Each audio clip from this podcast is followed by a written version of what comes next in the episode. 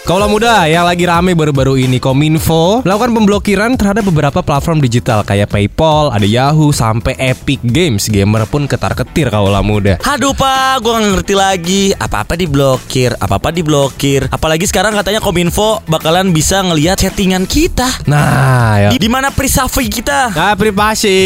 Gimana sih dibalik-balik?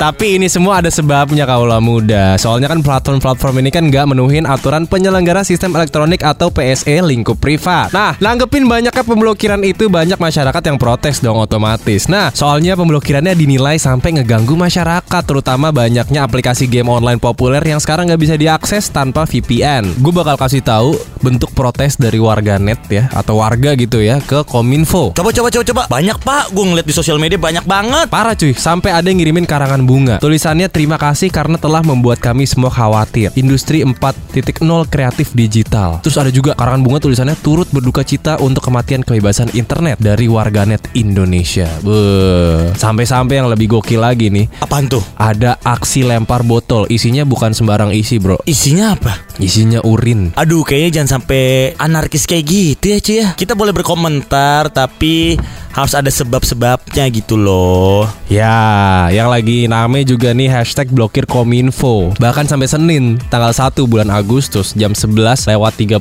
menit waktu Indonesia Barat Hashtag itu udah sampai 40 ribu tweets kaulah muda. Beuh. Ya, walaupun gue denger-dengar baru-baru ini kayak Yang belum daftar tuh bakal daftarin lagi proses dokumennya Segala macem kayak gitu-gitu sih. Ya cuma jujur kalau misalkan gamer juga merasa Steam, Dota sampai diblokir Wah itu makanya nih ya. Itu mungkin yang menginisiasikan mereka untuk protes kali ya Cok ya? Ya apalagi pak. Soalnya penggunanya kan juga banyak. Jadi banyak juga yang protes. Bahkan gak dari penggunanya aja. Orang-orang yang make aplikasi-aplikasi Atau contohnya kayak Paypal gitu kan Banyak yang make. Termasuk gua. Lo pakai PayPal? Pakai. Sekarang jadi Paytrend ya? Enggak dong, nggak ganti. Tetap PayPal, bro.